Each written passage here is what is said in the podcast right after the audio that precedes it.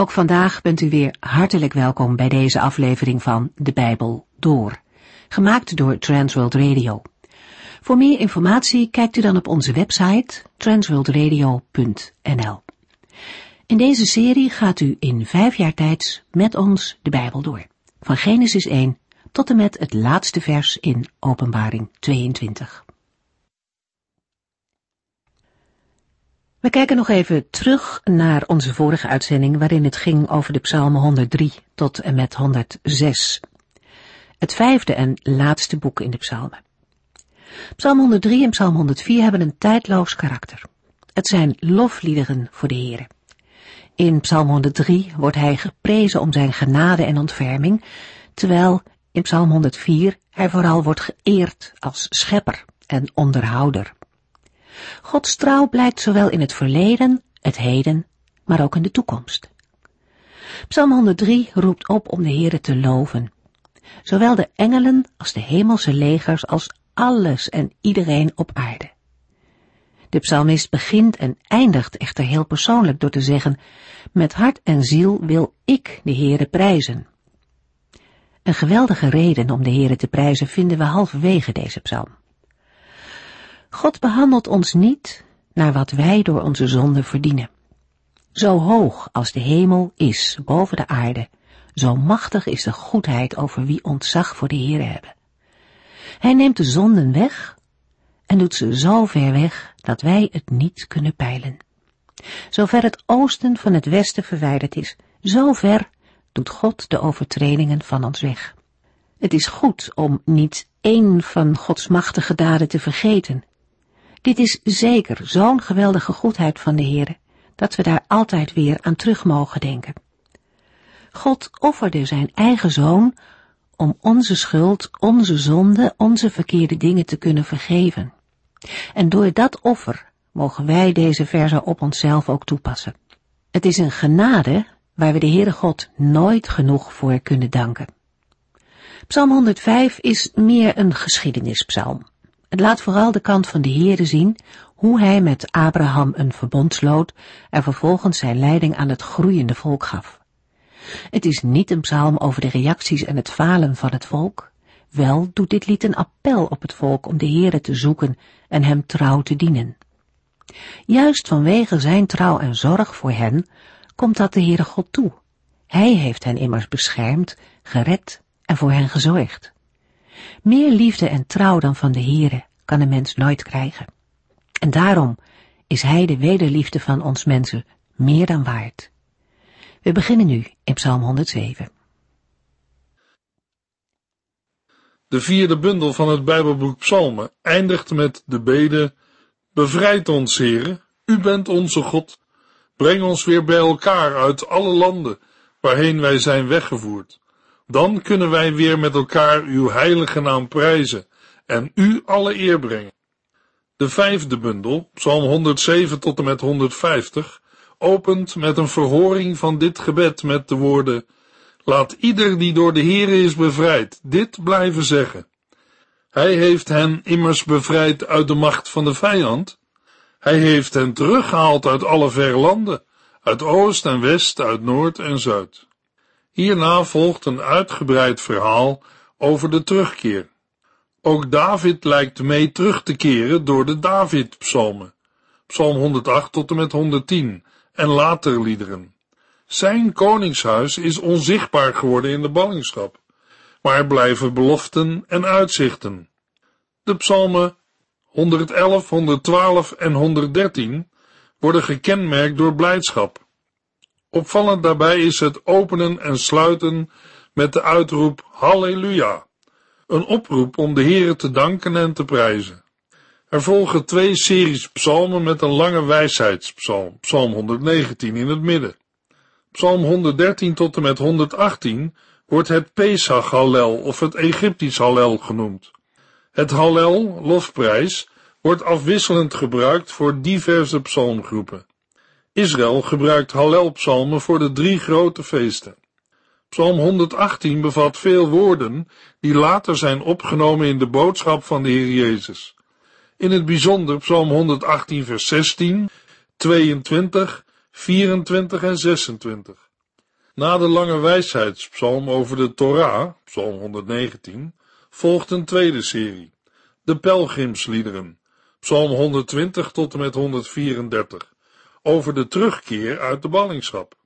In het centrum van deze reeks staat psalm 127, een psalm van Salomo, die gaat over het bouwen van de tempel.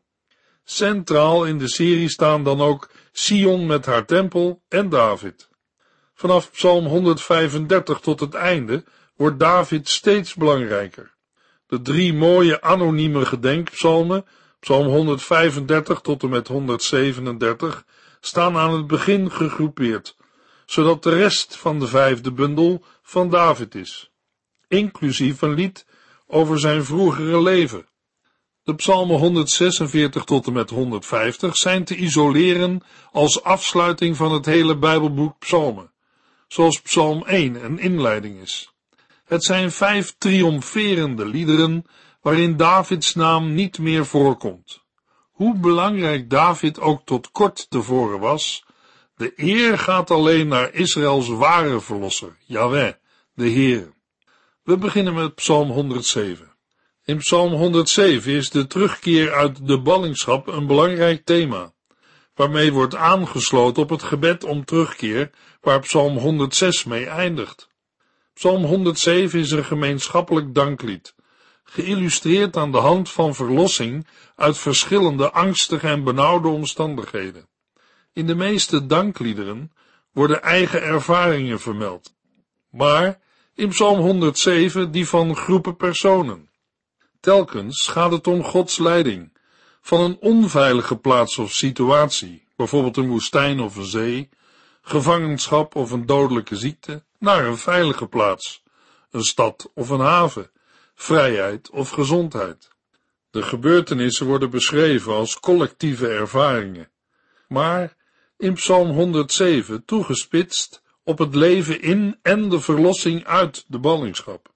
Alle groepen worden aangespoord tot lofprijzing. De psalm eindigt met een gedeelte waarin opgeroepen wordt om wijze lessen te trekken uit de omstandigheden.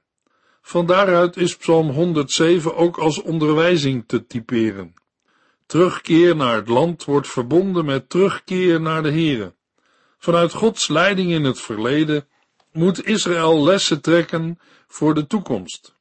Een centraal begrip in de psalm is Gods goedheid, zijn zegeningen en verbondstrouw, uitgedrukt met de woorden zijn goedheid en liefde, woorden die zes keer voorkomen. Psalm 107 heeft geen opschrift.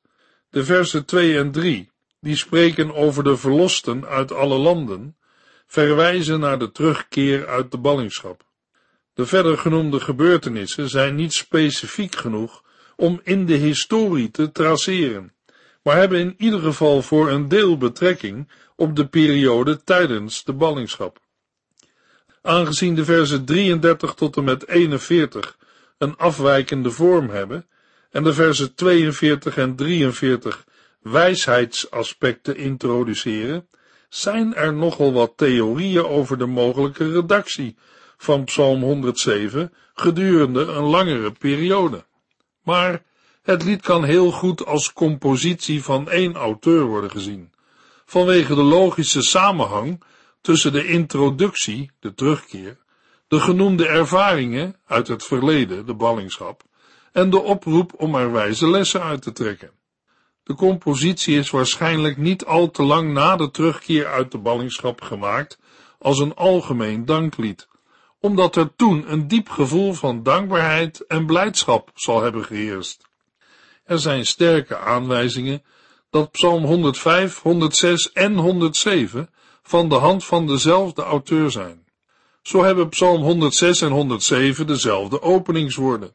En worden er veel vergelijkbare uitdrukkingen en dezelfde werkwoorden gebruikt. Daarbij komt nog dat Psalm 106 en 107 een drieluik over de geschiedenis van Israël vormen. Psalm 107 begint met een dankzegging voor de verlossing en terugkeer uit de ballingschap, vers 1 tot en met 3. Daarna volgen vier beschrijvingen van verlossingen uit benarde situaties. Uit ronddwalen in de woestijn, vers 4 tot en met 9, uit gevangenschap, vers 10 tot en met 16, uit dodelijke omstandigheden, vers 17 tot en met 22, en uit storm op zee, vers 23 tot en met 32. Deze vier beschrijvingen worden gevolgd door een vijfde over zegen, straf en verlossing, vers 33 tot en met 41. Verdrukten worden verlost en gezegend. In het slot, vers 42 en 43, worden mensen wijs genoemd als zij de zegeningen en straf van de Heere waarnemen. Bij de vier beschreven verlossingen klinkt telkens een tweeledig refrein. Psalm 107 vers 1 en 2. Prijs de Heere, Hij is een goede God, want zijn goedheid en liefde blijven eeuwig bestaan. Laat ieder die door de Heere is bevrijd dit blijven zeggen. Hij heeft hen immers bevrijd uit de macht van de vijand. Hij heeft hen teruggehaald uit alle verre landen, uit oost en west, uit noord en zuid. De eerste drie versen roepen op de Heere te danken voor de bevrijding die hij geschonken heeft. De verlosten worden aangespoord Gods naam te prijzen, omdat hij goed is en zijn verbondstrouw, zijn goedheid en liefde eeuwig duurt. Zij die door de Heere verlost zijn, uit de hand, uit de macht van de vijanden, zijn verzameld uit verre landen. In vers 2 staat in andere vertalingen voor, laat ieder die door de Heere is bevrijd, de uitdrukking, laat de vrijgekochte van de Heere zeggen. Het is een typische uitdrukking uit het Bijbelboek Jezaja. Daarbij gaat het om een tweede Exodus en betreft de vervulling van het gebed uit Psalm 106, vers 47. Psalm 107, vers 4 tot en met 9. Er waren mensen die ronddwaalden in de woestijn, op eenzame plaatsen. Zij hadden geen plek om te wonen. Door honger en dorst waren ze aan het eind van hun krachten. Toen riepen zij in hun ellende tot de Heere, en hij redde hen uit al hun angst. Hij liet hen lopen op een goed begaanbare weg die leidde naar een stad, waar ook voor hen een huis was.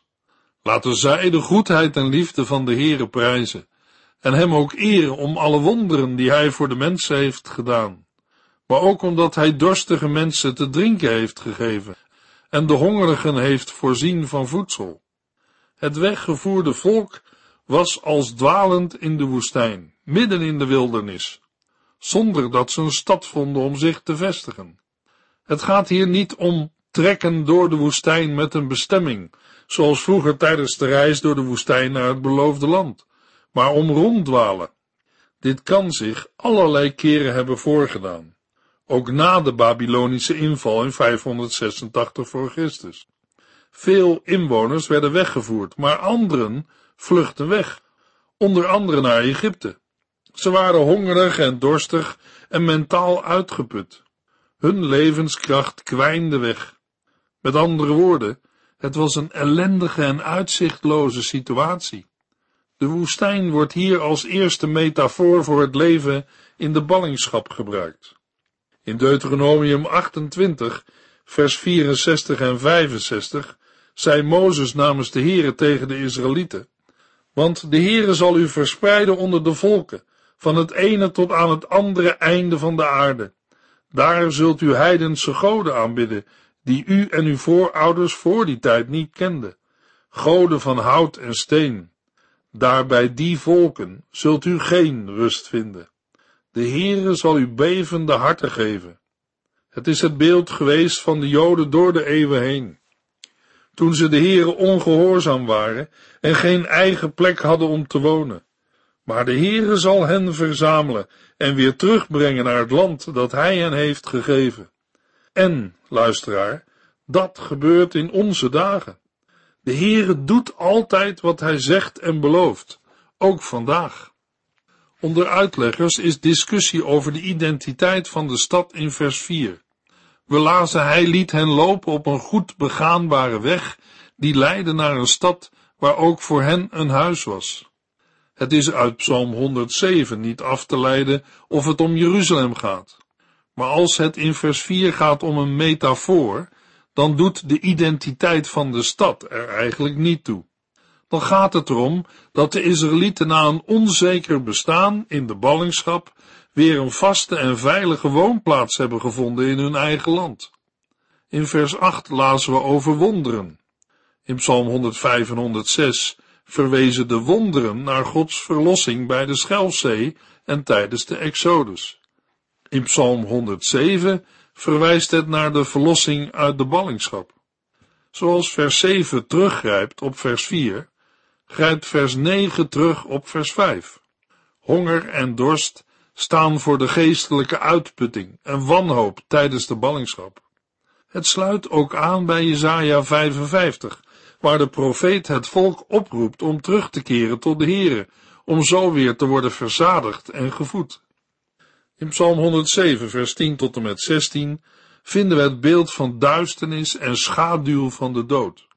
Het beeld wordt door Jezaja gebruikt als metafoor voor een ellendige situatie.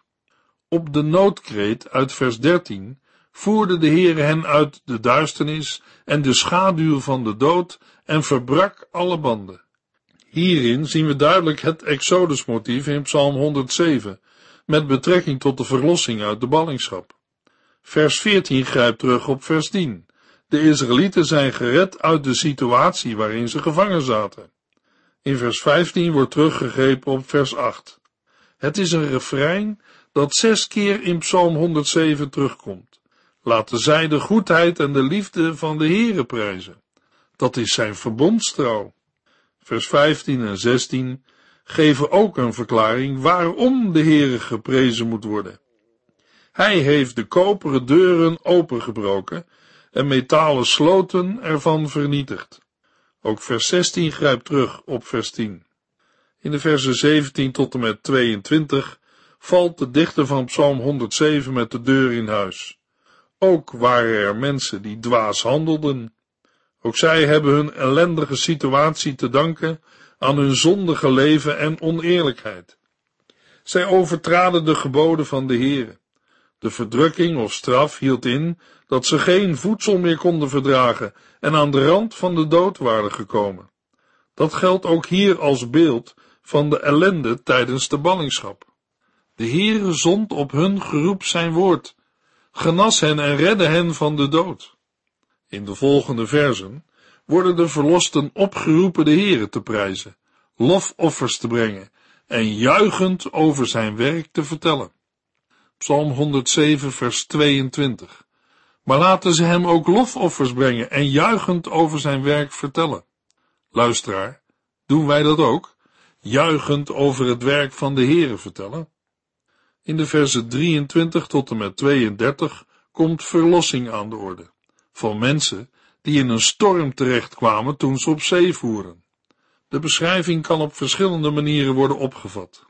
De situatie wordt vergeleken met een koopvaardijschip dat in de storm terechtkomt en daaruit wordt verlost. In een mensenleven kunnen er vele stormen losbarsten. Een benarde situatie, ziekte en ook een ballingschap. De almacht van de Heer is zo groot dat hij met één woord een storm kan ontketenen of doen stillen. Zoals de Heer de natuurkrachten beheerst, beheerst hij ook de geschiedenis. Psalm 107, vers 31 en 32. Laten zij de goedheid en liefde van de Heere prijzen en hem ook eren om alle wonderen die hij voor de mensen heeft gedaan. Maar laten zij hem ook prijzen tegenover de leiders van het volk en hem de eer geven wanneer zij later alles vertellen. Toen het volk terugkwam uit de ballingschap, was er nog geen nieuwe tempel, maar wel openbare samenkomsten waar gezongen werd om de Heere te danken en te loven. Misschien is Psalm 107 speciaal gecomponeerd voor de eerste nationale samenkomsten na de ballingschap. Psalm 107 vers 33 tot en met 41 is een nieuwe passage die een algemene illustratie geeft van de macht van de Heere. Aan de hand van aansprekende beelden over Gods handelwijze in het verleden, in de zin van zo is God, omschrijft de dichter een aantal situaties waaruit de macht van de Heere blijkt. De beschrijvingen vertonen diverse overeenkomsten met voorgaande verzen. Ze komen in de versen 31 tot en met 41 samen als een soort conclusie, om aan te geven hoe de Heere is en handelt. Er is sprake van een algemene terugblik op het verleden en nadruk op de soevereiniteit van de Heere in de vorm van straf en zegen. De versen 42 en 43 maken duidelijk dat Psalm 107 een didactisch doel heeft. Er moeten wijze lessen uit het verleden worden getrokken. Psalm 107 vers 43. Wie denkt dat hij wijs is, moet goed op deze dingen letten en vooral nooit de goedheid en zegeningen van de Heere over het hoofd zien. Het centrale thema van Psalm 107 is Gods trouw in de vervulling van zijn belofte. Het gaat concreet om de terugkeer uit de ballingschap en herstel in het land. Gods trouw aan zijn belofte is ook voor de nieuwtestamentische gemeente van toepassing. We kunnen denken aan de belofte van vergeving en herstel en de gave van de geest, maar ook aan de belofte van de wederkomst en het koninkrijk. Deze beloften vragen geloof voor de vervulling, maar de belofte van terugkeer en herstel voor Israël worden ook in de weg van geloof en bekering vervuld. Dan zal ieder die de naam van de Heere aanroept, gered worden, zei Petrus op het Pinksterfeest. Hetzelfde deden de ballingen in hun nood. De les van Psalm 107 geldt ook voor ons. Wie is wijs? Die zal deze dingen waarnemen en de trouwe daden van de Heere te harte nemen. Als christenen kunnen we hierbij ook denken aan de komst van de Zoon als Verlosser. De oprechten zien het en verheugen zich. Psalm 107 leent zich ook in onze tijd goed voor situaties van dank en bevrijding. We gaan verder met Psalm 108 en 109. Ik moedig u aan ze zelf te lezen. Psalm 108 is een loflied op de Heere en doet een beroep op Gods oorspronkelijke aanspraak op het land. Deze aanspraak is weergegeven in de vorm van een soevereiniteitsverklaring. Daarbij wordt het gebied als een wapenrusting voorgesteld en de Heere als een strijder die deze wapenrusting draagt. De psalm bevat tweemaal een gebed om hulp en bevrijding. Daarin wordt de Heere gevraagd het land weer in de oude staat te herstellen. Psalm 108 is een bewerking van Psalm 57 en 60, die beide tot de gebeden van David behoren. In de versen 2 tot en met 6 vinden we Psalm 57, vers 8 tot en met 12 terug. In de versen 7 tot en met 14, Psalm 60, vers 7 tot en met 14. De versen zijn min of meer letterlijk overgenomen, achter elkaar gerangschikt en voorzien van een algemeen opschrift.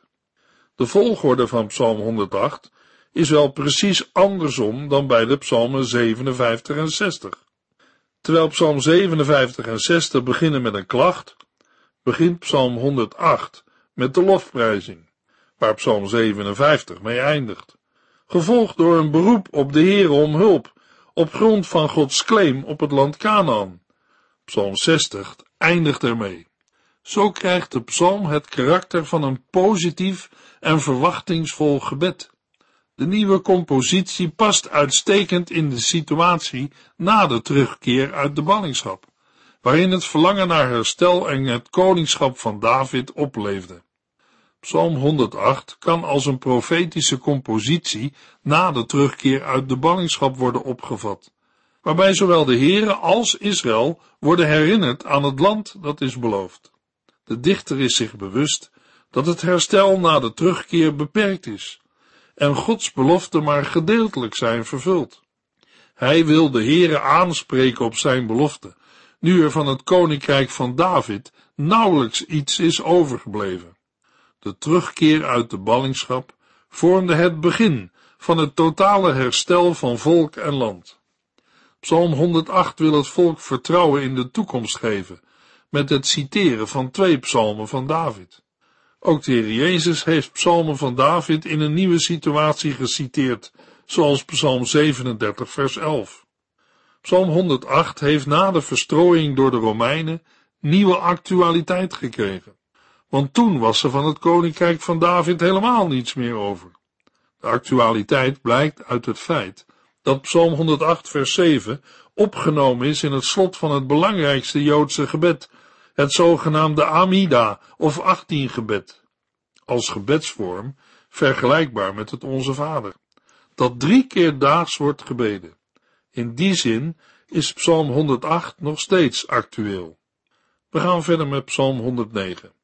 Psalm 109 is een vergeldings- of raakpsalm en tegelijkertijd een smeekgebed. David bidt om Gods vergelding over zijn vijanden, die hem vals beschuldigen en kwaad voor goed vergelden. De inhoud van Psalm 109 is vergelijkbaar met die van Psalm 7, 17, 35, 58 en 69. De opzet en het woordgebruik doen denken aan een juridisch scenario. Verder kan gebed ook worden vertaald en opgevat als smeekbede tijdens een rechtszitting. Psalm 109 herinnert aan het lijden van Christus, vanwege de valse beschuldigingen en het lijden van David. Daarin is een sterke overeenkomst met Psalm 22 en 69. Verder doet Psalm 109 ook denken aan het lijden van Job. Psalm 109 kan ook in verlegenheid brengen. De roep om wraak en vergelding is immers heel wat anders dan wat het Nieuwe Testament vraagt in bid voor uw vervolgers en heb uw vijanden lief. Toch moeten we daarbij niet uit het oog verliezen dat David eerst een andere gezindheid aan de dag heeft gelegd. In vers 4 en 5 lezen wij dat hij eerst liefde betoonde en goed heeft gedaan. Niet enkel zijn eigen positie, maar Gods verbondstrouw en nabijheid zijn in het geding. Psalm 109 heeft mogelijk gedeeltelijk een rol gespeeld in de lijdensgeschiedenis. Matthäus maakt in Matthäus 27 vers 39 waarschijnlijk een toespeling op vers 25. Ook Jezus heeft veel valse beschuldigingen moeten ondergaan. In Handelingen 1 vers 20 wordt Psalm 109 vers 8b geciteerd, in verband met het weggenomen worden van het ambt van Judas als apostel.